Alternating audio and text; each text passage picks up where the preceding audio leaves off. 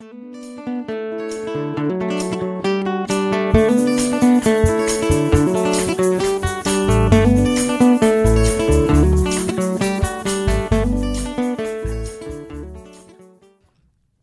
det tuffare ekonomiska klimat som råder nu med inflation och ökade räntekostnader och elräkningar, eh, då är det ju många hushåll som börjar se över vad man faktiskt kan spara in på. Och kanske funderar man på att prioritera det hårdare bland sina försäkringar just. Och eh, det finns ju försäkringar som är nödvändiga, men det är ju inte i alla skeenden i livet. Och vilka är de här skeendena i livet? Och vilka försäkringar bör man absolut inte säga upp? Och, och vilka kan vara lite mindre nödvändiga?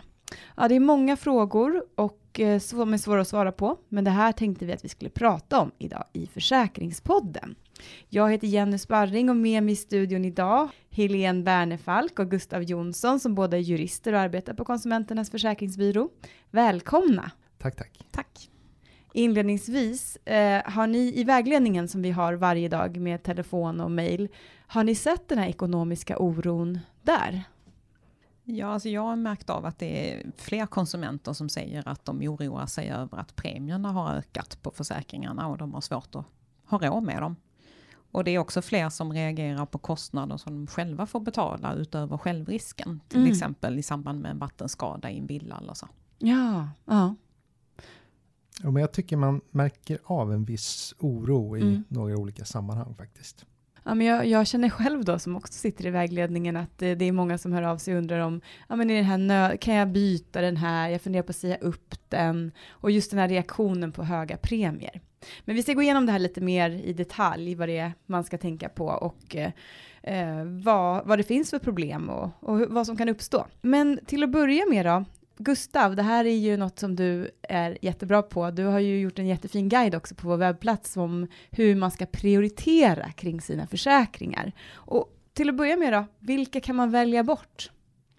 Ja, vi har en, en allmän prioriteringslista som, som en slags stöd för tanken hur, hur man kan se på försäkringar i stort. Och då har vi delat upp det i de, de som är krav enligt lag, de som är nödvändiga, de som är bra att ha och de man till och med kan fundera på att prioritera bort. Mm. Så det har vi på webbplatsen. Och vi har också delat upp det efter situation. Mm. Att man kanske är barnfamilj eller pensionär eller student och så kan man få tips anpassade efter, efter den situationen. Ja, men det är ju jättebra för att det, såklart så är det ju så att en pensionär har inte samma behov som en barnfamilj. Så det är bra att det är anpassat på det sättet också. Men eh, om man nu känner då att pengarna inte räcker till, är, är det någonting man ska eh, se upp med då om man planerar att säga upp en försäkring? Ja, man ska ju verkligen akta sig för att säga upp en försäkring som är nödvändig. Mm.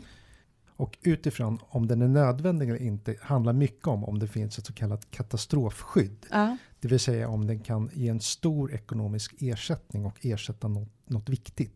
Och ett typexempel där är hemförsäkringen som har ett stort katastrofskydd. Och de som vi räknar upp som nödvändiga, till att börja med så är det ett lagkrav på bilförsäkring att man minst måste ha trafik. Sen Ja. har man ju gärna kanske en helförsäkring eller halvförsäkring. Ja. Men en hemförsäkring är nödvändig. En barnförsäkring om man har barn. Mm. En reseförsäkring ifall man reser längre än de här 45 dagarna i hemförsäkringen. Och båtförsäkring om man har båt ifall den inte täcks av hemförsäkringen för att det är en mindre båt. Mm. Och till, till sist djurförsäkring om, om det är ett djur där det kan tänkas bli aktuellt med eh, operation eller veterinärvård. Men eh, nu när du har räknat upp de här, då, vad, vad är det som gör att, det så, att just de här är så viktiga? Vad är det som gör att man måste ha just de här? Ja, I hemförsäkringen så, så kan det ju bli en, en stor brand eller vattenskada. Och därför är det jätteviktigt att få det skyddet i hemförsäkringen. Likaså om man reser kan det vara det här med att du, du har kostnader för läkarvård eller olika transporter. Det är Mm. jätteviktigt.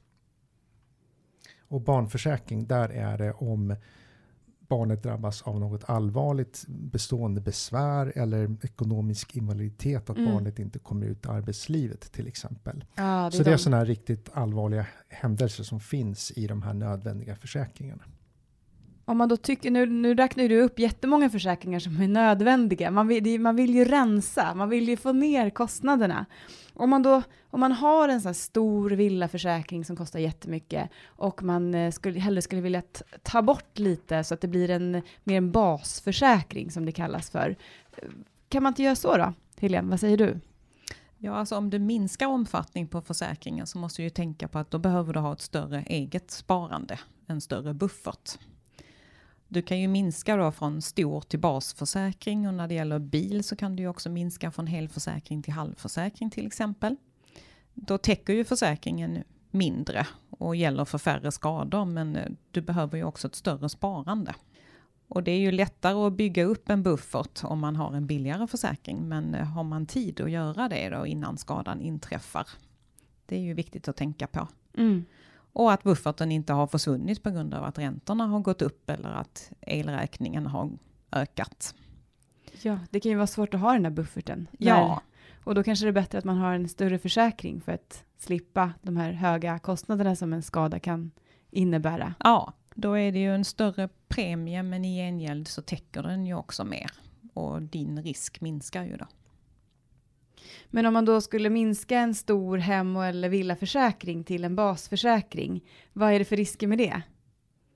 Ja, det är ju till exempel när det gäller hemförsäkringen då, då är det ju så att det här som man kallar för drulleförsäkring ofta, eller som heter allrisk egentligen, mm. det ingår ju i de stora försäkringarna. Har du en basförsäkring där, då får du ju till exempel inte någon ersättning för om du skulle råka tappa mobilen i marken och den går sönder. Då får du ju ersätta det själv. Vilket är väldigt lätt hänt. Ja, det är ju inte helt ovanlig skadehändelse. Och när det gäller villaförsäkringen då, det är ju viktigt att kolla upp vilka skillnader finns det mellan bas och stor försäkring. Det kan ju vara innehåll som inte finns längre i den basförsäkringen och det kan ju också vara så här att åldersavdraget har en maxgräns som mm. är mycket lägre i stora försäkringen än i den lilla basförsäkringen. Då. Ah, så då blir ålderstaket betydligt högre om man har en bas, så att man ja. får betala mycket mer av? Ja, om du har ett eh, gammalt badrum och det blir en vattenskada, då minskas ju ersättningen beroende på hur gammalt det här badrummet var, för du ska mm. ju inte bli överkompenserad och få ett nytt badrum Nej. när du inte hade det innan skadan. Och då finns det ju ofta tak i de stora villaförsäkringarna på kanske 10 till 15 000 för mm. sommarkostnader en basförsäkring, där kan ju kostnaderna gå upp till kanske 100 000. Ja, det är ju väldiga skillnader. Det är ju ändå väldigt viktigt att känna till. Ja, det behöver man ju ha ett, ett eget sparande för den mellanskillnaden. Men Gustav sa, nämnde det här tidigare om att en trafikförsäkring ska man ha enligt lag. Men kan man inte ta bort eh, halv och helförsäkringen då? De är ju jättedyra. Ja, det man ska tänka på det är att trafikförsäkringen den ersätter ju inte några skador på din egen bil överhuvudtaget. För att få ersättning för något sånt så måste du ha minst halv försäkring och gärna en hel försäkring. Så det är ju lite beroende på liksom hur gammal är bilen, vad har mm. den för värde? Är den värd så mycket så att du inte har råd att köpa en ny själv om mm. det skulle inträffa något, då behöver du ha ett skydd för och få ersättning för skadorna på bilen. Och i halvförsäkring då, som är den delen som innehåller flest olika delmoment, mm. där har man ju till exempel ersättning för hemtransport av passagerarna och eh, bärgning av bilen till verkstad mm. om den går sönder när du är på semesterresa. Ja, för det kan ju bli väldigt dyrt om man inte har den då. Ja. Och det är inte helt ovanligt att det börjar brinna på parkeringsplatser och Nej. bränderna sprids mellan bilarna. Och då måste du också minst ha halvförsäkring för att få någon ersättning för mm. din bil. Ja, här får man väl fundera lite på hur beroende är man av sin bil? Klarar man sig utan sin bil? Då ja. kanske en trafikförsäkring, alltså om, man, om det skulle hända något, klarar man sig utan, då kanske en trafikförsäkring eh, kan räcka. Men är man mm. beroende av sin bil, då, då, då får man fundera på om ja. man och just helförsäkringen, det är ju kanske den som man framförallt tänker på när man tänker på skador på bilen. Mm. Och det som skiljer den från halvförsäkringen är att den innehåller vagnskada. Ja. Och den ersätter ju då liksom de här plötsliga oförutsedda skadorna på bilen. Någonting som du orsakat själv kanske. Det blir en buckla i sidan för att du kör emot den med cykeln när du ska parkera den in i garaget. Mm. Och det kan vara en, eh, ett träd som fallit över bilen och det var inte någon fastighetsägare som är ansvarig för det här då behöver du också ha en hel försäkring för att få ersättning för de skadorna. Ah. Har man inte det då, då kan det bli, allt bli mycket dyrare istället. Då. Så Ja. då, om man tänker att man, man, eh, man tar bort de här försäkringarna för att man ska spara pengar, men i slutändan blir det precis tvärtom. Men Gustav, här, nu har vi pratat om sakförsäkringar, men personförsäkringarna då? De kan man väl säga upp eller byta till något billigare? Man ska, ska vara väldigt försiktig där, därför att en hemförsäkring eller bilförsäkring, det är okomplicerat att byta. Mm. Kanske bortsett från bindningstid, att man inte kan byta när som helst och så. Men, men när det gäller personförsäkring så är det en hälsodeklaration. Och därför, Mm. där, där, det ska man verkligen tänka på. Att eh, det kan bli problem på ett helt annat sätt Ja. i de situationerna. Och eh, just att det kommer inte gälla för något som har hänt innan också. Det kan bli diskussioner, när hände det här? Mm. Så, så man ska under, som ett minimum, om man nu ska byta, vilket vi egentligen inte vill, Nej. då ska Mm. man se till att ha den nya försäkringen klar Mm. innan man säger upp den gamla. Men om man går igenom sina försäkringar då och upptäcker att man har flera olycksfallsförsäkringar eller flera livförsäkringar, kan man inte ta bort någon där eller är man dubbelförsäkrad? Vad är det som gäller? Livförsäkring är aldrig en dubbelförsäkring, Nej. utan har man till exempel 500 000 i en livförsäkring, 500 000 i en annan, då är det en miljon totalt. Mm. Det, det, båda faller ut, det, det är ingen dubbelförsäkringssituation, utan de staplas på varann. Olycksfallsförsäkringar, där är det en dubbelförsäkring i form av att kostnaderna får det bara från ett håll. Däremot Ja. skulle det vara bestående besvär, då kan du få det från flera. Mm. Så, så det, det är en viss dubbelförsäkring där. Och ska Mm. man prioritera lite hårdare bland sina försäkringar, Mm. då är det att eh, behålla den bästa av de två, Mm. ifall man har två olycksfallsförsäkringar. Och det kan man gå in och se där i våra jämförelser, vad som är viktigt att titta på Ja, när det ja kommer till olycksfallsförsäkringar. precis. Även om, de, även om just den försäkring man har inte finns med i vår olycksfallsförsäkring så kan man i alla fall jämföra då med vad, vad, som, vad som finns med. För vi har ju lyft de viktigaste delarna där i Ja, där jämförelsen. kan man se vad börja titta efter, Mm. vad som ingår, vad som inte ingår, viktiga delar helt Mm. enkelt. Och så får man hålla koll på, på vilket försäkringsbelopp man har i sina försäkringar och vad de kostar och så fundera då på om det är någon man kanske skulle kunna stryka. Ja, men vi har ju nu mest pratat om nödvändiga försäkringar och viktiga, de som man verkligen ska ha och behålla. Men är det några sådär som man kan säga är onödiga? Är det några som man faktiskt bara kan stryka nu så här i tuffa tider? Det man ska se upp för, det är ju om man är dubbelförsäkrad på något sätt. Mm. Eh, Det kan vara ett sätt att spara pengar, se upp dubbelförsäkringar. Mm. Och det, det andra är om det är på låga belopp. Så det är det man ska hålla lite utkik efter. Och sån här dubbelförsäkring som ändå förekommer, det är att man råkar ha två hemförsäkringar, fackförbunden, för då ingår en hemförsäkring i medlemskapet. Och då ska man verkligen se till att inte också ha en egen hemförsäkring, för då har Ah. man två. Och det är onödigt, man kan Ja. inte från, från båda håll. Mm. Eh, produktförsäkringar eh, ska man nog fundera lite extra kring här om man ska prioritera bort. Därför att med en hemförsäkring med all risk kommer man ganska långt. Så det kan vara ett alternativ. Och de här, nu när du säger produktförsäkring, det är de här försäkringarna man får alltså när man köper en vara på en, eh, äh, köper en vara så, så Ja, ingår en, att- eller så köper man till en produktförsäkring du för just den varan. varje, varje enskild produkt. Mm. Och, och då kan man se att som allriskförsäkringen i hemförsäkring, den gäller alla föremål du har. Och Mm. det kan bli dyrt att försäkra varje produkt för sig. Och vill du ha det, då har vissa hemförsäkringsbolag något som kallas elektronikskydd. Eh, som då är lite bredare än en produktförsäkring för Mm. varje produkt. Okej, Så ja men det är bra att veta. Eh, assistansförsäkring är också en, en slags dubbelförsäkring ifall man har en bra bilförsäkring där det ingår, i alla fall det mesta ingår. Mm. Eller vad säger du Helene? Ja, alltså den täcker ju framförallt självrisken på bärgningen som ingår i halv och helförsäkring. Okej. Och ger dig kanske några dagars hyrbil. Det är Mm. ju egentligen det främsta skyddet den ger. Och det har man ju till stora delar redan i sin egen försäkring. Då. Mm. Så då får man kolla först med sin halv eller helförsäkring och se vad man har där. Så kan man fundera på om man också verkligen måste ha den här assistansförsäkringen som man betalar extra för då. Ja, och det kan ju ingå en assistansdel i en vanlig stor bilförsäkring. Det kan man Mm. titta på i vår jämförelse på Ja, vår webbplats då av bilförsäkringar.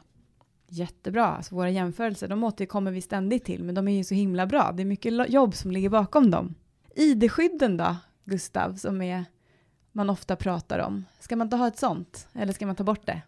Där har du nog det oftast i din Mm. hemförsäkring. Ungefär sju av tio hemförsäkringar har det. Mm. Och då behöver, du- behöver du definitivt inte teckna ett eget ID-skydd, utan Mm. det blir en tydlig dubbelförsäkringssituation. Så det är någonting, betalar du ett extra och så har du hemförsäkringen, då kan du fundera på att, verkligen fundera på att ta bort det. Och även där då, på våra jämförelser så kan man se Mm, vilka hemförsäkringar som innehåller, ja det är ju bra, som innehåller det här ID-skyddet. Självriskförsäkringar, är det någonting som man, hur, hur fungerar de? Ja, vi var ju inne på det här att, att man kanske inte ska prioritera de som täcker låga belopp.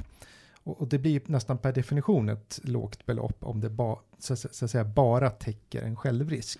Så, så det är ju någonting att om du hittar något där det står självriskförsäkring, behöver du verkligen den? Mm.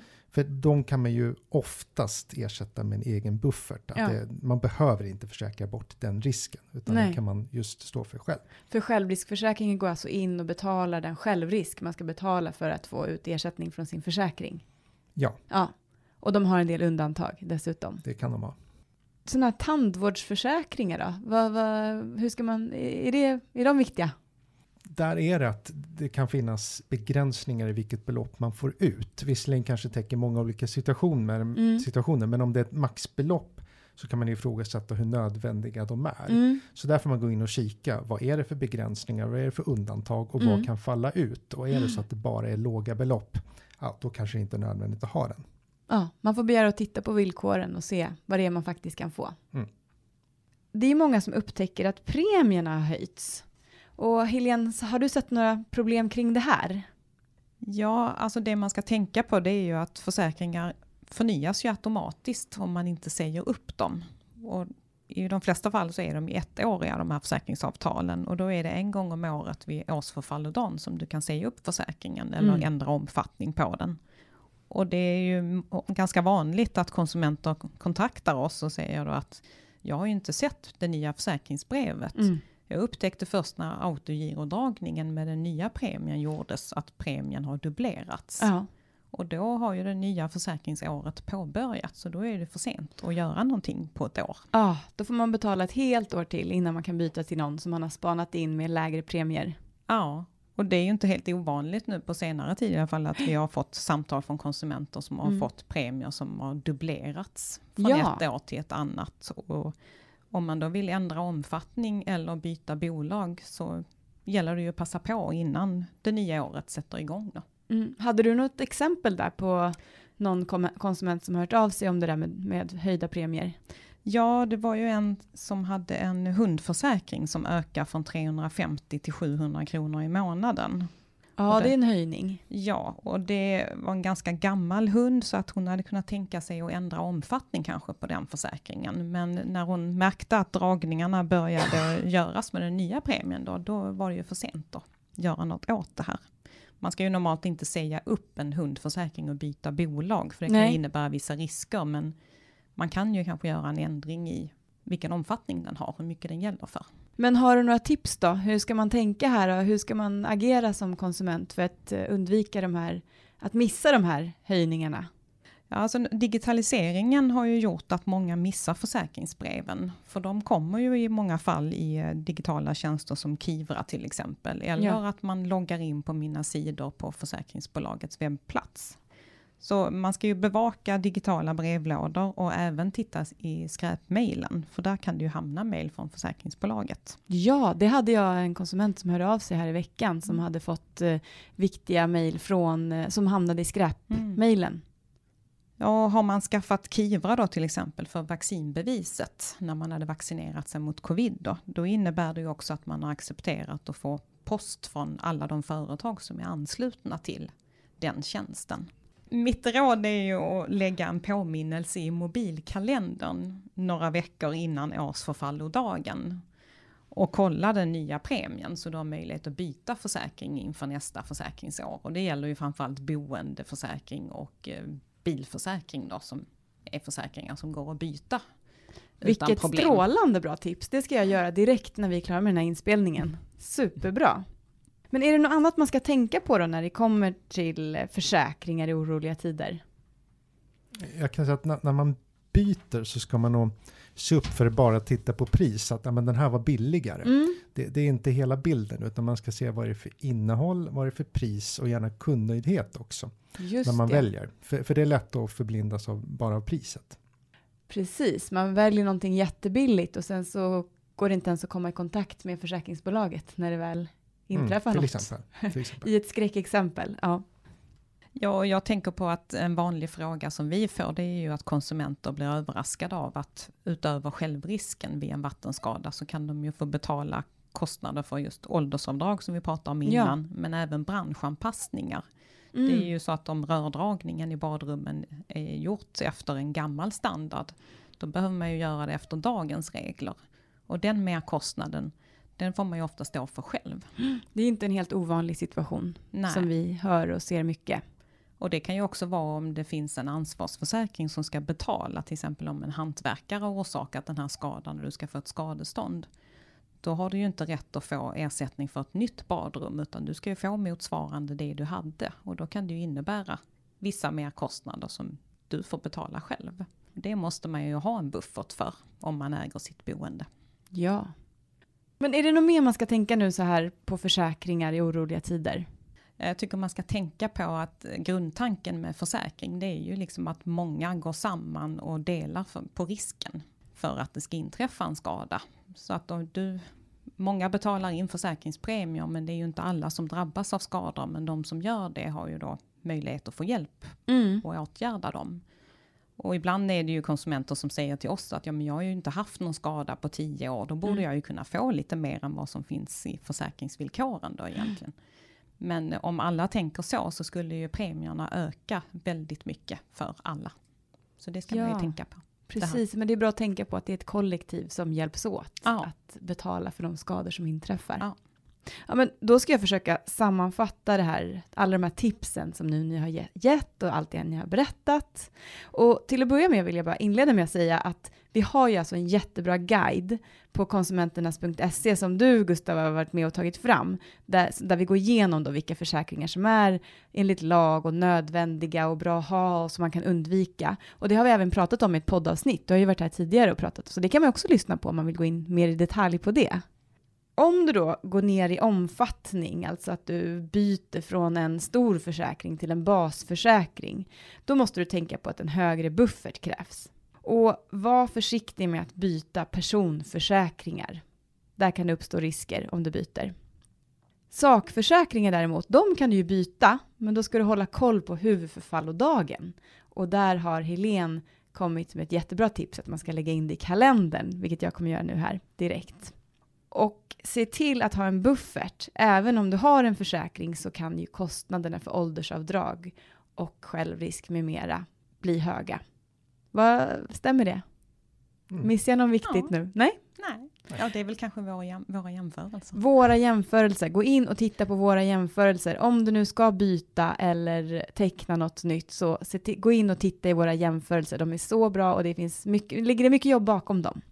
Ja, då var det allt för det här avsnittet. Gå gärna in på konsumenternas.se. Där kan du hitta svar på de flesta frågor du kan ha om försäkringar. Och du är jättevälkommen att ringa till oss i vår vägledning eller mejla till oss om du har någon särskild fråga. Och kontaktuppgifter finns på konsumenternas.se. Och vi har en massa bra poddavsnitt som ni kan gå in och lyssna på som gäller massor med olika typer av försäkringsfrågor. Och tipsa gärna vänner och kollegor om att lyssna på Försäkringspodden. Tack så jättemycket för att ni kom hit, Gustav och Helene. Tack, tack. Tack.